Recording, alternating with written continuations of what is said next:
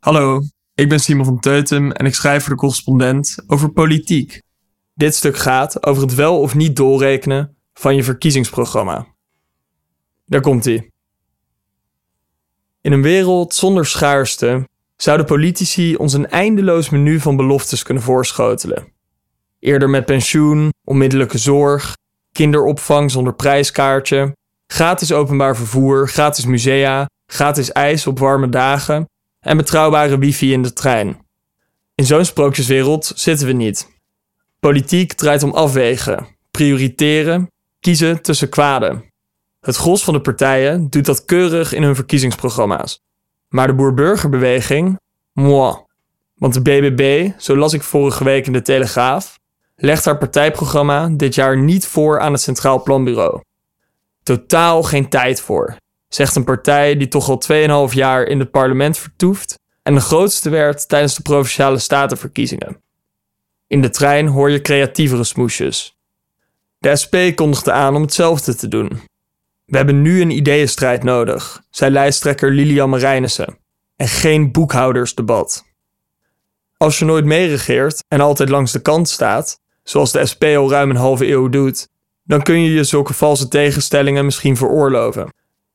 Maar BBB, de partij van Caroline van der Plas, zet in op kabinetsdeelname. En dus is het achterhouden van de financiële gevolgen van haar plannen tot na de verkiezingen onverantwoord. Dat zit hem vooral in de budgettaire doorrekening. Het CPB dwingt partijen niet alleen om nauwkeurig te zijn in hun plannen en beloftes, maar ook om te laten zien of deze gedekt zijn door belastingen of leningen. Is dat niet het geval, dan laat het CPB zien wat dat doet met de staatsschuld. Kun je als partij keuzes maken tussen wat mogelijk en betaalbaar is? Of ben je gewoon een waslijst van ronkende beloftes aan het verkopen? De budgettaire doorrekening is de bullshit detector. Een sanity check die aangeeft of de plannen wel geloofwaardig zijn. Als je dat inzicht weghoudt bij de kiezer, kun je van alles beloven. Minder inkomstenbelastingen, meer geld naar de zorg, lagere AOW-leeftijd, hogere pensioenen en iedereen een alpaca. Partijen die wel een haalbaar programma hebben samengesteld, steken er al snel bleekjes bij af. Een ongelijk speelveld bij verkiezingsdebatten. En BBB heeft ambitieuze plannen. De partij wil de pensioenleeftijd terugschroeven naar 65 jaar voor mensen die 40 jaar gewerkt hebben. Eindelijk die hoge snelheidslijn tussen de Randstad en Noord-Nederland aanleggen. De accijns op benzine verlagen. Investeren in betere en bredere snelwegen. En meer handen aan het bed in de zorg. De kiezer mag raden waar het geld vandaan komt. Of wat de partij nou het belangrijkst vindt. Kijk naar het Britse eiland. Daar beloofde de oud-premier Liz Truss vorig jaar 45 miljard pond aan belastingverlagingen, zonder uit te leggen waar dat van betaald zou worden. Had ze vast totaal geen tijd voor. Ze wilde de vennootschapsbelasting verlagen en de belastingschijf voor de hoogste inkomens schrappen. Maar waar kwam de poen vandaan? Nog voor ze de vraag beantwoord had, kondigde ze de maatregelen aan. Een nieuw tijdperk noemde ze het. Maar de markt dacht daar anders over. De pond maakte een duik, de rentes op overheidsleningen schoten omhoog en de centrale bank moest ingrijpen om pensioenen te beschermen. En Liz Truss, die werd na 49 dagen uit Downing Street gebonjourd en is daarmee de kortzittende Britse premier aller tijden.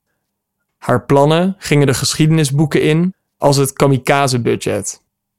De les van Liz, de berekeningen van economen zijn geen luchtkastelen, maar een ruwe weerspiegeling van de werkelijkheid.